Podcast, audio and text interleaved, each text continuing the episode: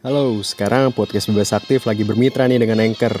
Kalau kalian mau bikin podcast sendiri, Anchor ini platform yang paling enak buat publish dan edit-edit podcast. Apalagi Anchor ini 100% gratis. Lo dengerin podcast Bebas Aktif di Spotify juga karena Anchor punya fitur distribusi podcast ke Spotify dan platform-platform lainnya. Jadi, sekarang adalah waktu paling pas buat lo download Anchor dan bikin podcast lo sendiri. Contextual Presents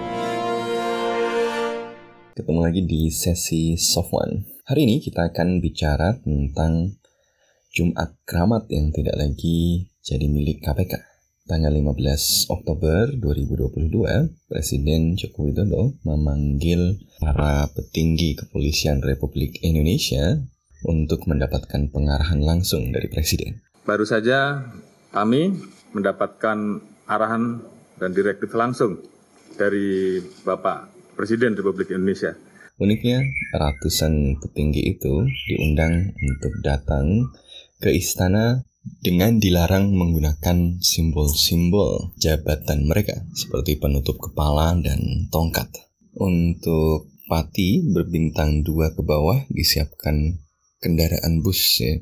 Jadi nggak bisa pakai mobil pribadi atau mobil dinas dengan nyiung-nyiung Tindakan Presiden Joko Widodo ini tentu memunculkan banyak spekulasi dan tafsir. Apa sebenarnya yang diinginkan oleh Presiden dengan pemanggilan tersebut? Apalagi pemanggilan tersebut kemudian diiringi oleh berbagai gosip yang kurang begitu mengenakan seperti di kapnya Kapolda Jawa Timur yang baru, Teddy Minahasa, karena kasus narkoba. Setidaknya ada tiga tafsir yang mengemuka di masyarakat. Tafsir yang pertama adalah soal reformasi kepolisian, yaitu bahwa Presiden Joko Widodo sebagai kepala negara menjadi atasan langsung dari Kepala Kepolisian Republik Indonesia mendorong upaya untuk melakukan reformasi kepolisian yang dalam waktu-waktu terakhir ini mendapatkan kritik yang luar biasa, terutama sejak kasus Sambo dan kasus pembunuhan ratusan orang di Stadion Kanjuruhan. Pada tafsir ini digambarkan bahwa Presiden Jokowi geram, sangat geram dengan perilaku kepolisian yang tidak memberikan keamanan dan pelayanan pada masyarakat dan justru memunculkan berbagai masalah karena itulah kemudian Presiden Jokowi sebagai seorang Jawa gitu ya menunjukkan simbol simbol kemarahan itu ya dengan halus ya dengan simbolik. Dipanggil rame-rame nggak boleh bawa mobil ya nggak boleh bawa tanda-tanda kepangkatan. Itu untuk menunjukkan bahwa kepolisian seharusnya melakukan reformasi ya jangan kemudian terlena dengan berbagai privilege yang dimiliki. Dalam tafsir ini, Presiden Jokowi mendorong reformasi kepolisian yang meminta mereka memperbaiki perilaku, memperbaiki citra dengan tindakan-tindakan dan seterusnya. Nah, tentu saja banyak yang kemudian mendorong dan merayakan tafsir yang demikian ini kan. Ada tokoh-tokoh yang kemudian mengatakan Nah, justru dengan peristiwa ini ya kita semakin percaya kepada polisi karena bersih-bersihnya serius. Narasi semacam ini juga muncul dan didorong di media-media gitu ya dengan kutipan berita, gambaran berita yang kemudian menggambarkan ya betapa luar biasanya event Jumat Keramat ini dan menunjukkan upaya perubahan yang serius. Wah, reformasi Polri ya setelah sekitar 8 sampai 10 tahun terakhir ini menurut berbagai penelitian internasional, ya penelitian internasional mungkin lebih berani karena nggak harus hati-hati lihat bakso di depan rumah. Mereka menyebutkan bahwa ya, kepolisian kemudian memiliki banyak privilege ya dan impunitas seperti yang ditunjukkan dalam berbagai kasus penindakan terhadap aktivis hak asasi manusia dan terhadap berbagai pihak lainnya yang dipandang sebagai ancaman bagi stabilitas. Dalam tafsir pertama yang dikampanyekan dengan luar biasa, lihat aja jumlah beritanya di media-media online maupun media nasional yang mainstream gitu ya. Yang terjadi adalah bahwa seorang presiden akhirnya sudah tidak bisa mentolerir lagi tindakan tindakan-tindakan dari institusi kepolisian yang ternyata banyak menimbulkan masalah. Yang digambarkan presiden sangat marah terhadap perilaku kepolisian yang memunculkan kecemburuan sosial karena memamerkan kemewahan dan seterusnya dan seterusnya. Jadi dalam versi tafsir pertama ini, Presiden Jokowi mendorong reformasi kepolisian dengan serius. Namun tentu saja ini bukanlah tafsir satu-satunya meskipun ini boleh disebut sebagai salah satu tafsir yang dikampanyekan dengan paling masif. Tafsir yang kedua melihat ini sebagai satu lagi contoh performative governance atau performative politics. Nah, konsep performative politics ini adalah konsep yang dikenal di dalam kajian politik yang biasanya ya, digunakan untuk menggambarkan uh, bagaimana birokrasi, bagaimana pemerintahan merespon tekanan dari publik, dari masyarakat, ya, untuk kemudian menunjukkan bahwa mereka bekerja, bahwa mereka melakukan sesuatu.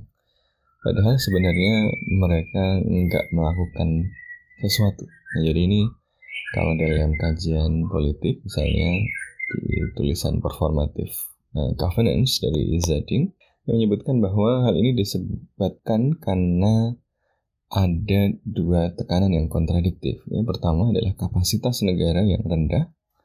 Yang kedua adalah high public scrutiny. Ya dalam hal ini kita melihat bahwa uh, satu syaratnya yang kedua tadi high public scrutiny kayaknya terpenuhi kan.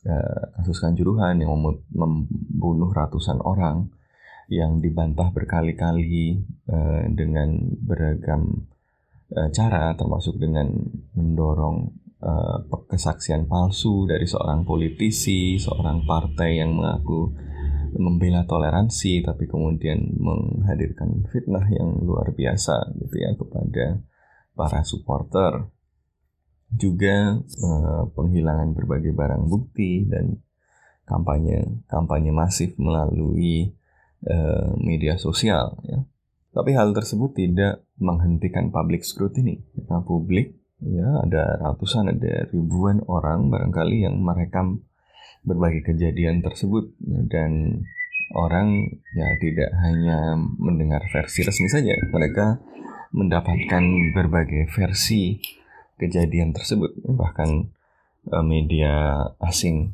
eh, yang tidak memiliki kepentingan ya melihat dengan jelas clear tanpa tedeng aling-aling ya, menuliskan seperti Washington Post dan New York Times bahwa jelas kepolisian harus bertanggung jawab terhadap kejadian yang membunuh ratusan orang ini. FIFA sampai turun tangan ya kemudian supporter dari seluruh dunia itu memberikan solidaritasnya apa pun penjelasan resmi dan Eh, dalih-dalih uh, yang dikemukakan kemudian tidak lolos dari public scrutiny. Menjadi syarat pertama yaitu adanya public scrutiny yang tinggi itu terpenuhi. Ya apalagi uh, ini kejadian ini nggak berselang lama dan masih berlangsung juga dengan kasus Sambo yang masih disidangkan. Ya, jadi ini berturut-turut muncul public scrutiny yang besar. Nah biasanya public scrutiny-nya ada di kasus-kasus yang lain ya pembunuhan-pembunuhan lain penangkapan aktivis dan seterusnya. Tapi biasanya bisa dikontain dengan polarisasi politik ya dengan mengelola polarisasi politik. Ah itu yang mengkritik kadrun yang mengkritik radikal yang dibunuh radikal biarin aja gitu.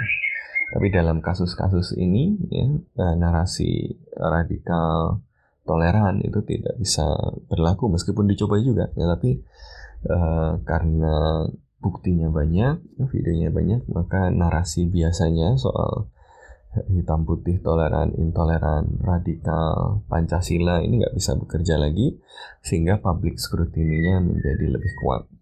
Nah pertanyaannya kemudian apakah syarat lain yaitu low capacity itu dipenuhi. Nah ini yang banyak uh, perlu kita diskusikan gitu ya. Uh, mungkin kapasitasnya ada gitu ya untuk melakukan reformasi, tapi apakah mau untuk melakukan reformasi itu? Apalagi menurut berbagai tulisan juga dan penelitian uh, pemerintah ini diuntungkan um, melalui hubungan saling menguntungkan dengan institusi kepolisian yang mendapatkan privilege. Ya, jadi dalam 8 tahunan terakhir ini institusi kepolisian mendapatkan keistimewaan uh, impunitas tapi pada saat yang bersamaan mereka memberikan loyalitas dan bergerak sebagai mesin politik bukan kata saya gitu ya. Nanti dilihat saja artikelnya di internet. Nah teman-teman bisa baca sendiri dan judge sendiri. Saya nggak ngomong ya saya masih mengawasi tukang bakso di luar. Nah jadi dalam versi tafsir yang kedua ini yang dilakukan oleh Presiden Joko Widodo adalah performative governance, adalah performative action. Dia adalah drama yang dibuat sedemikian rupa, maka poinnya adalah bagaimana membuatnya dramatis, bagaimana membuatnya jadi pembicaraan, makanya harus muncul dengan simbol-simbol yang keren biar orang ingat uh, simbol-simbolnya tapi lupa substansinya. Makanya dibuat drama soal harus pakai bis, drama harus soal uh, pakai tongkat, topi. Nah ini bagian dari performative politics, performative governance. Ya penciptaan drama untuk meyakinkan publik bahwa pemerintah melakukan sesuatu yang serius. Padahal sebenarnya tidak. Halo, sekarang podcast Bebas Aktif lagi bermitra nih dengan Anchor. Kalau kalian mau bikin podcast sendiri, Anchor ini platform yang paling enak buat publish dan edit-edit podcast. Apalagi Anchor ini 100% gratis. Lo dengerin podcast bebas aktif di Spotify juga karena Anchor punya fitur distribusi podcast ke Spotify dan platform-platform lainnya. Jadi, sekarang adalah waktu paling pas buat lo download Anchor dan bikin podcast lo sendiri. Tapi selain dua penjelasan tersebut, ada penjelasan ketiga yang mungkin agak kurang populer tapi juga cukup sering didengar di lingkaran-lingkaran masyarakat sipil ya. Versi ketiga ini mengatakan bahwa tindakan Jokowi memanggil para uh, pejabat tinggi kepolisian tersebut adalah bagian dari rekonsolidasi oligarki, rekonsolidasi kekuatan. Sebagaimana tadi sudah disebutkan di skenario yang kedua, mereka uh, punya asumsi yang sama bahwa dalam beberapa tahun terakhir ini institusi kepolisian menjadi semacam abrinya zaman Orde Baru gitu ya menjadi salah satu pilar kekuasaan yang penting. Nah, eh, sayangnya pilar kekuasaan yang penting ini sekarang sedang goyah karena berbeda dengan zaman Orde Baru, kita berada di periode yang secara formal itu diakui sebagai sistem demokrasi sehingga harus uh, ada public scrutiny yang uh, relatif kuat Nah, selama ini impunitas dan loyalitas dari kepolisian, nah ini dua uh, aspek dari hubungan antara kepolisian dengan kekuasaan tadi, itu uh, berjalan dengan stabil. Ya, kepolisian dapat anggaran paling besar, uh, ada impunitas dan seterusnya, tapi di sisi lain ya mengawal berbagai program dan memastikan kemenangan dalam pemilu, memastikan stabilitas dan seterusnya. Tapi sekarang hubungan itu terancam karena kepolisian yang merasa di atas angin kemudian merasa tidak bisa tersentuh dan akhirnya membuat blunder-blunder. Seperti kasus Sambo bapak yang sangat berkuasa sebenarnya di kepolisian dan bahkan menurut banyak gosip disebut-sebut sebagai ya tokoh yang digadang-gadang untuk menjadi Kapolri selanjutnya blunder yang dilakukan Sambo, kemudian blunder di Kanjuruhan, itu membuat pilar kekuasaannya goyah. Jadi yang dilakukan adalah rekonsolidasi terhadap pilar kekuasaan ini. Jadi panggil semuanya, kemudian didisiplinkan, ya, didorong uh, untuk kemudian eh kalian jangan sembarangan dong gitu ya. Uh, kalian hubungan mutualisme antara kekuasaan dengan kepolisian sebagai penyangga kekuasaan tadi nggak bisa uh, berjalan kalau kalian berantakan gitu ya jadi tolong ya kalian tetap bangun citra yang baik dengan masyarakat silahkan konsolidasi ulang silahkan temukan keseimbangan baru di antara faksi-faksi kalian tapi uh, jangan sampai pilar kekuasaan yang itu goyah ya. jadi topinya itu disuruh dihilangkan, tongkatnya suruh tidak dibawa untuk menunjukkan who is the boss, untuk menunjukkan bahwa eh eh keistimewaan kalian itu bersyarat pada loyalitas dan hubungan mutualisme dengan kekuasaan. Jadi tolong jangan digunakan sembarangan. Ya impunitasnya masih boleh dipertahankan, privilege-nya masih boleh dipertahankan selama you serve the power ya dan now you are not serving the power karena anda kemudian melakukan banyak blunder ya. Jadi dalam tafsir ketiga ini tujuannya bukan reformasi kepolisian. Tujuannya adalah konsolidasi kekuasaan ya dengan mendisiplinkan pilar kekuasaan yang sedang berantakan yang sedang goyah. Nah di antara ketiga tafsir ini mana menurut teman-teman yang paling benar?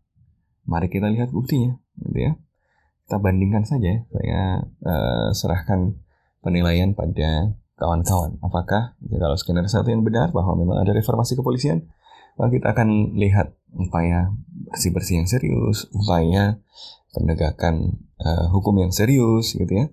Kedua kalau yang benar adalah uh, versi yang kedua maka kita akan melihat bahwa ya nggak akan ada apa-apa yang terjadi karena ini drama saja ya uh, yang penting adalah publik kemudian jadi tenang. Jadi kasus Kanjuruhan, kasus Sambo ya akan berjalan uh, seperti uh, itu ya.